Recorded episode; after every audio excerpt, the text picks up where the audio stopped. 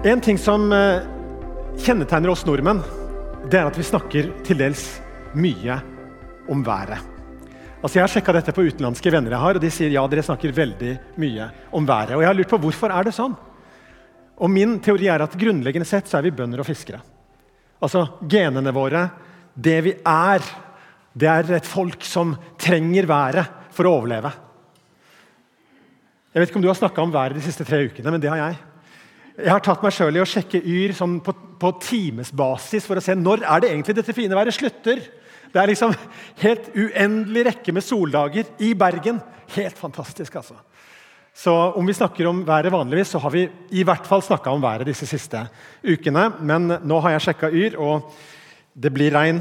Jeg trodde en stund at det kanskje hadde slutta helt å regne i Bergen, men det har det altså ikke. Det kommer regn i morgen kveld, eh, men vi får en fin sommer. Og vi har hatt en fin sommer. Og vi har det bra, har vi ikke det?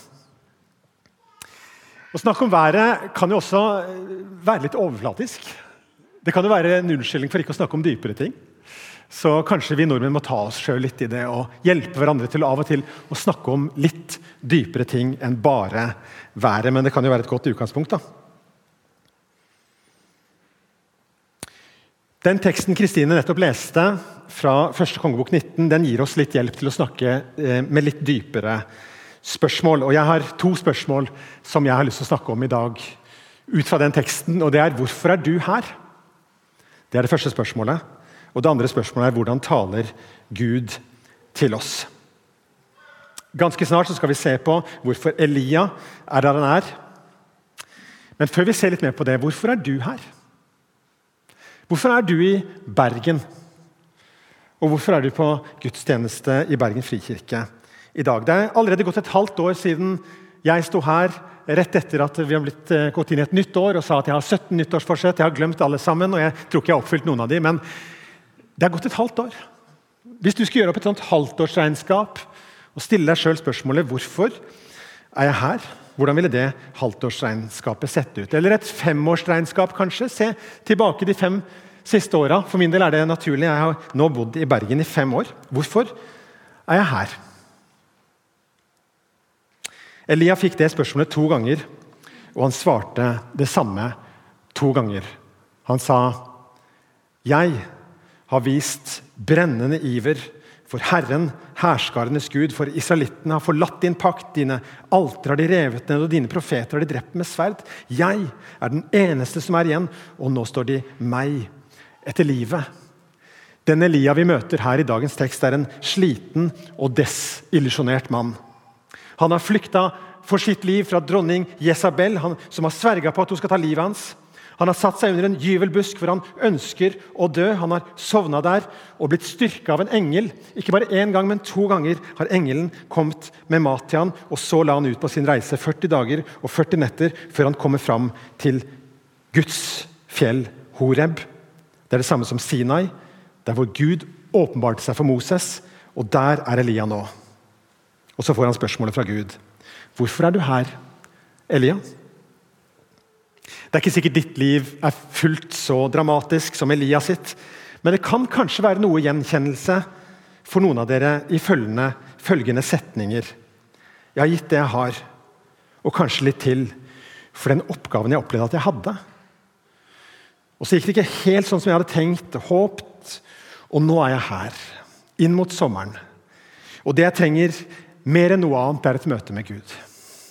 Et møte hvor han forteller meg at jeg er der jeg skal være.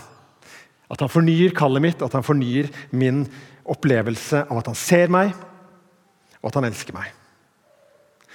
Hvis du går inn i sommeren med en sånn lengsel etter Gud, etter fornyelse, så er det en god lengsel. Og han vil møte deg. Han vil svare. Elia dro altså på retreat ved Guds fjell, Horeb, for å få et møte med Gud. Kan du finne en sånn lomme denne sommeren, hvor det ikke bare blir å koble av fra alt det vante, også fra Gud, men hvor det er også å koble til Gud? Kan du finne en, en plass hvor du kanskje kan gjøre opp litt status, skrive noen gode refleksjoner, kanskje ha noen å lufte de sammen med? Kommer du deg til et kristent stevne? Eller tar du en tur til et retreatsenter? Eller kanskje du søker stillheten på andre måter over en åpen bibel. Kan anbefales. Og Hvis du tenker i de baner, eller kanskje du til og med er blitt litt anspora til å tenke i de baner av meg denne formiddagen, så blir spørsmål nummer to veldig relevant for deg. Hvordan taler Gud? Og det skal vi se litt på til slutt. Men først Hvis vi leser hele historien, første kongebok, kapittel 17, 18 og 19, som, som er en ganske dramatisk fortelling, så er det kanskje litt merkelig at eh, Elia er desillusjonert. For han har jo opplevd tidenes suksess. Han har virkelig opplevd at Gud har stilt opp, og at Gud har møtt han og møtt folket. En som har opplevd så store ting med Gud som vi snart skal se på, hvordan kan han være desillusjonert? Skulle han ikke være fornøyd? Altså, Vi kan gjerne være overraska, men uh, psykologien De som kan litt psykologi, de er ikke overraska. Det er noe som heter post achievement depression. Eller post suksessdepresjon. Og Det er visstnok helt normalt. Altså, Hjernen din har vært så full av adrenalin og så full av dopamin at når det hele er over, så blir du faktisk fylt med en sånn tomhet. Og så blir det sånn Ja, men hva nå?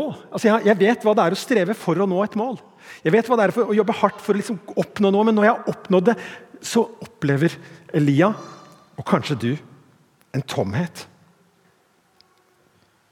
La oss se på det. Vi begynte med å snakke om vær i dag, og denne fortellingen um, som jeg skal dele med dere nå, der har det ikke vært tre uker med regn, som vi har opplevd, men det har vært tre og et halvt år uten regn. Elia, profeten som virker i Nordriket. Altså Storhetstiden til kong David er over. Storhetstiden til kong Salomo, som bygde tempelet, er over. Og pga. at kongene har forlatt Gud, så har israelsfolket blitt delt i to. Og Elia han virker i Nordriket, tistammeriket, som bare 200 år seinere skal oppløses og gå over ingenting. Da er det bare Juda i sør igjen. Men eh, nå er det gått 50 år inn etter delingen. Elia eh, har en 100% stilling som profet og får beskjed om å si til kongen Så det er det profeter driver med. De går til kongen, og så sier han nå vil det gå noen år uten at det blir verken regn eller dugg. Og Dette her får vi vite skjer fordi kongen og kongene før han har forlatt Guds bud og begynt å dyrke nabolandenes gud, som heter Bal. Jeg vet ikke hvordan det ville vært for deg hvis det var din eh, jobbbeskrivelse. At du skulle gå til kongen og, og, varsle dårlige nyheter for land og folk.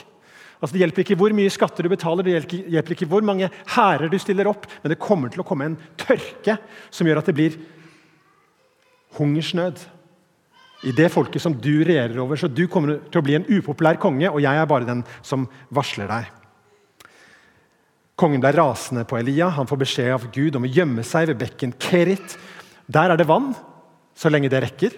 Og så er det sånn at Gud gir beskjed til noen ravner om å komme og gi mat til Elia. Men En dag så er også bekken tørr, og Elia får beskjed om å gå til en enke som bor i Sarepta. Der skal du oppleve at jeg gjør det miraklet at hennes eh, melkrukke og oljemugge ikke går tom før regnet kommer. Og sånn sørger Gud for både enken og hennes sønn og for Elia. Og så går årene sånn. Ett år og to år og tre år. Tre og et halvt lange år. Og det er lenge dere å gå uten regn. Noen av dere syns det er lenge å gå tre uker. Og Så kommer dagen da Gud sier til Elia du skal tre fram for kong Ahab. Jeg vil sende regn over jorden. Og så er det duka for dramatikk. Klinsjen mellom kong Ahab og profeten Elia kulminerer i en episk maktdemonstrasjon. For Gud, eller kanskje er det Elia, setter seg for å bevise en gang for alle hvem det er som virkelig er Gud. Altså, Virker Bal, denne fruktbarhetsguden som Bal-profetene dyrker? Eller virker Gud? Altså, Hvem er den levende Gud? Hvem er det som har makt? Hvem er det som kan ordne regn og andre ting? La oss teste det. Så han sier til kongen samle opp på Karmelfjellet hele folket. Men ikke bare det, samle opp 450 Bal-profeter. Og i tillegg de 400 Ashera-profetene, jeg pleier å kalle de for Vashera-profetene, som spiser ved dronning Jesabels ord. Jeg må si noe om dronning Jesabel, for hun var et resultat av en sånn allianse som kong Ahab hadde inngått med fønikerne. Hun var fra Tyos og dyrka fruktbarhetsguden Bal. Hun hadde dårlig innflytelse på sin mann. og gjorde at om han var i utgangspunktet en, Gud, en, en, som hadde vendt seg bort fra Gud, så vendte han seg enda mer bort fra Gud ved å tillate at dronning Jesabel bygde et tempel for Bal i Samaria, som var hovedstaden i Israel.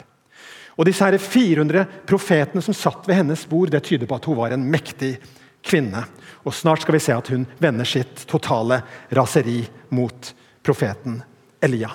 Men først den store testen på Karmelfjellet. I det ene hjørnet har vi den imponerende gjengen av Baal-profeter, 450 i tallet, som dyrker Baal. Og i det andre hjørnet har vi Elia. Som er forhatt, som er eh, sliten etter en eh, lang tørkeperiode hvor han har fått skylden. Og nå har Gud sagt det skal bli regn. Det har ikke blitt noe regn ennå. Det eneste esset som Elia har i ermet, er at han dyrker Israels gud. Og Så sier han ok, la oss ha en konkurranse nå. La oss ta en battle en gang for alle. Hvor lenge folket, hvor lenge folk vil dere halte til begge sider? Hvis Bal er Gud, så gå og dyrk Bal. Men hvis Israels Gud er Gud, så la oss venne oss til han og dyrke han. Så sa han ok, la, få, la meg få to okser. Og Så lager dere et alter den, med den ene oksen, og så lager jeg et alter med den andre oksen. og så begynte, Dere kan få begynne. Dere kan få først. Få opp veden, ordne til alteret, men ikke tenn fyr på. Så ber dere til deres Gud om at han skal tenne fyr på, og så får vi beviset på hvem som er Gud. Ja, ok, Baal-profetene gjør det. Og De begynner, og det står at de, de ropte fra morgen til middag om at Baal skulle gripe inn og En kunne jo kanskje tenke at med den store skogbrannfaren som var i området, så ville det være mulig at det skulle bli ild. Var det så veldig vanskelig? Men det var og blei taust. Og de ropte bare mer og mer. Det står De begynte å rispe seg. Så blodet rant, og de dansa og de hinka. Og Det blei lei ut mot kvelden, og det skjedde altså ingenting. Og til slutt så ga de opp. Elia han er ikke mer from enn at han begynner å håne dem. Han sier ja, ja, denne guden deres, er han kanskje sovna? Kanskje har gått avsides? Kanskje han har gått på do? Er det noen som påstår at det står i grunnteksten, men det er litt forfina i den norske oversettelsen. Elia han er omtrent sånn som deg og meg. Han hoverer over disse stakkars menneskene som ikke får dette helt til. Rop høyere! Han er jo Gud! Han er vel falt i tanker, eller kanskje han er ute på reise, men ingenting skjedde. Og Så sa eh, Elia til folkemengden, når de hadde prøvd sitt og ikke fått det til, så sa han 'kom over til meg'. Hele folkemengden samla seg rundt Elia. Han tok tolv steiner og bygde, reiste opp igjen Herrens alter som var blitt revet ned. står det. Og Så la han veden til rette og så la han oksen på og delte den sånn som skal deles etter forskriftene. Og så sa han ok, gi meg vann. Og så, så sa han gi meg fire kar med vann og hell det utover oksen og veden. Én gang, to ganger, tre ganger fylte de fire kar med vann. Tolv kar med vann helte de utover, så det rant ned i en sånn grøft som var rundt alteret. En kan jo tenke at Det var en bærekraftsmessig veldig sånn dårlig idé, eh, og, og en, kanskje en hån mot alle som tørsta. Men det er klart, den privilegerte kongen hadde vann og kunne bruke det på dette. Han var med på, var med på testen. Så vann ble helt ute. Så kan vi også si at Elia visste at dette var dagen hvor vann igjen skulle bli tilgjengelig både for høy og lav.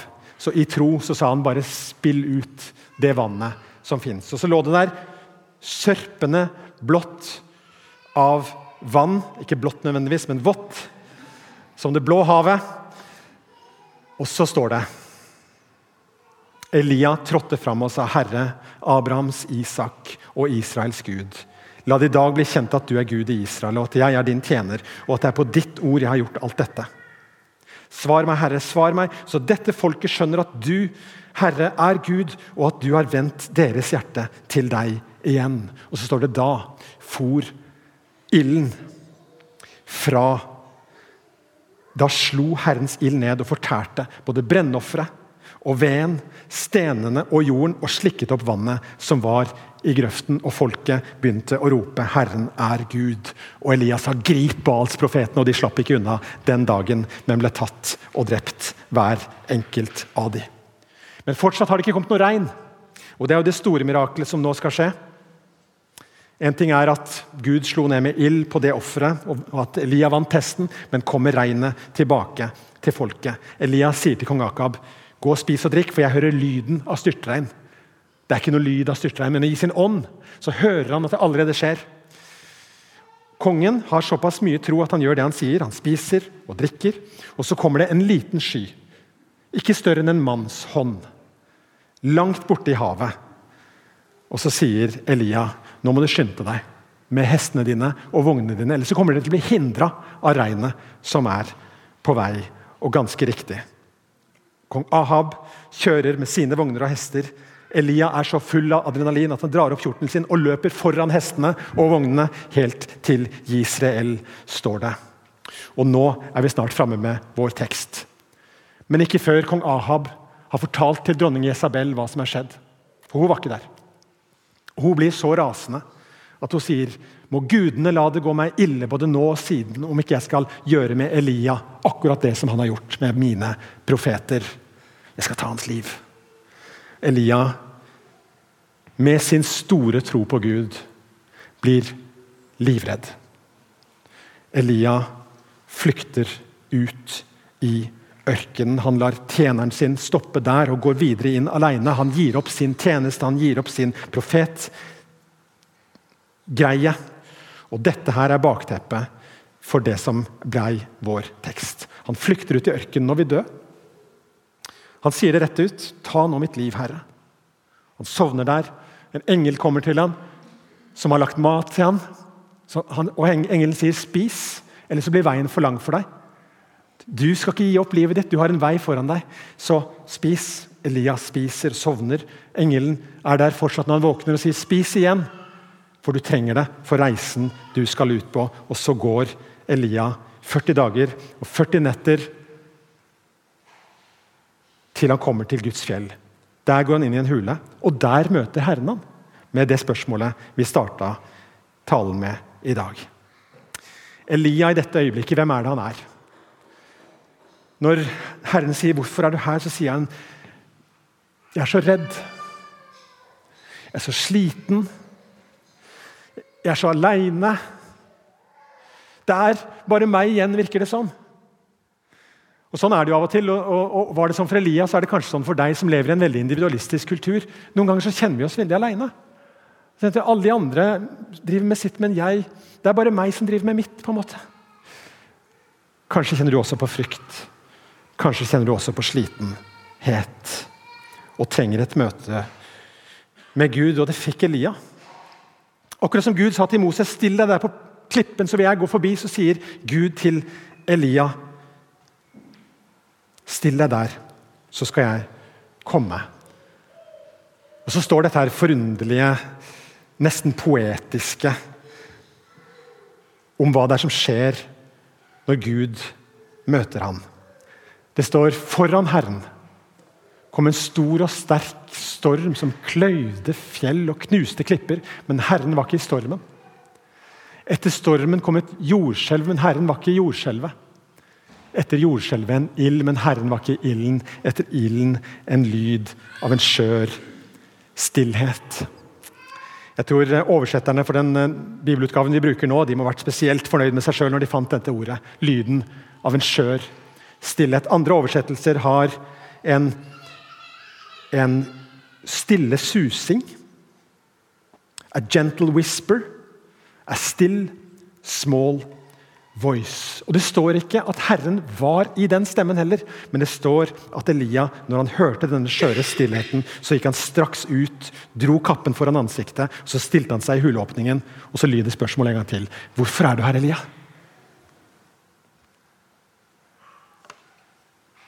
Og så gjør Gud to ting, bare for å avrunde den store dramatiske historien om Elia denne dagen. Det ene er at Han gir ham et nytt profetoppdrag. Han sier du skal gå og salve nabokongen til ny konge i naboriket. Det er jo en ganske heftig greie. han som vi er fiende med. Og så skal du salve Jehu til ny konge etter Ahab, for han skal snart dø. Og så skal du salve Elisha til profet etter deg. Du skal få en avløsning, men du er ikke ferdig med oppgavene dine. Elia han gir han en fornyelse av kallet. Og så sier han du er ikke aleine. Det er i hvert fall 7000 i en sånn rest som ikke har bøyd kne for Baal, og som ikke har kyssa han. Folket som liksom nå vendte seg til Gud, og Elia trodde det var vekkelse på gang, og at alle nå skulle snu seg mot Gud. og Han trodde at når jeg nå har bevist hvem som er Gud, så vil vel kong Ahab også bli en gudelig mann. Han trodde at det store, monumentale kraftdemonstrasjonen var det som skulle til, men det er, virkeligheten er at det er 7000 som hele veien ikke har bøyd kne for Bal, og som ikke har kyssa han med sin munn. Det er noen som er på laget ditt, Elia, selv om du føler deg aleine. Så har jeg i dag stilt spørsmålet hvordan taler Gud? Og så skal vi kanskje ikke gjøre så veldig mye teologi ut av denne lille historien her. Selv om det er fristende. Hvordan taler Gud? Ja, Det vi vet er at Gud taler først og fremst gjennom sitt ord.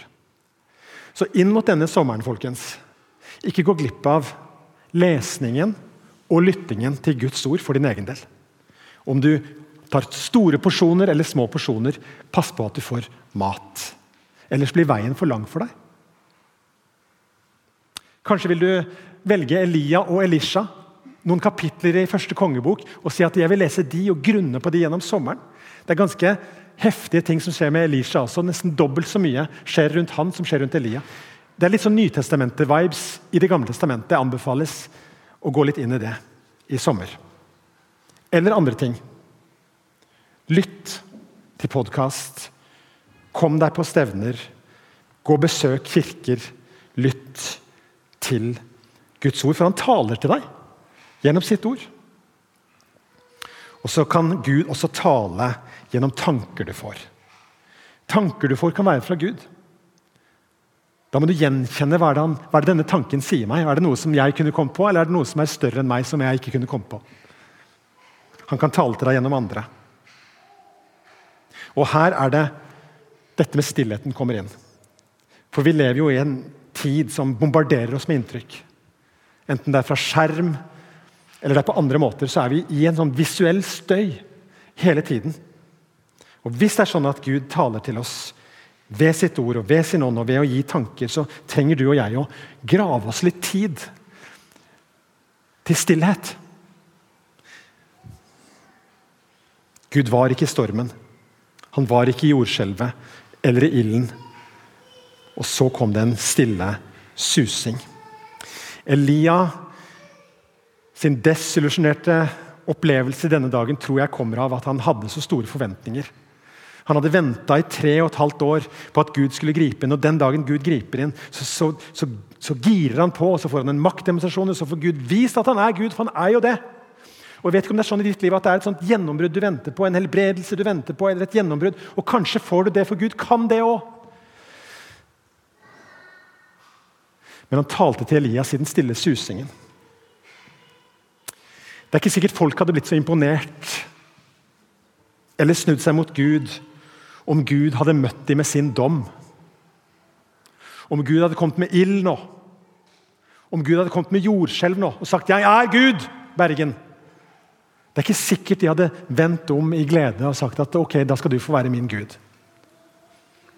Han har en tendens til å møte oss med nåde og kjærlighet, og ikke dom.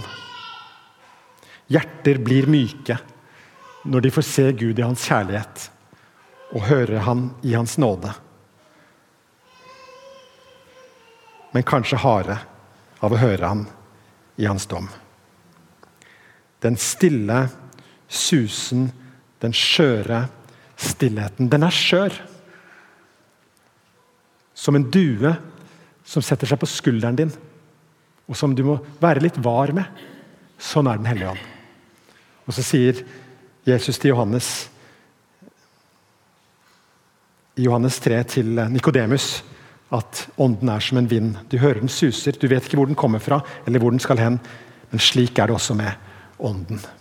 En stille susen. La oss be. Himmelske Far, vi legger oss sjøl i dine hender inn mot sommeren. Herre, du vet om dramatikken i våre liv, den som ingen ser. Og du vet om stillheten.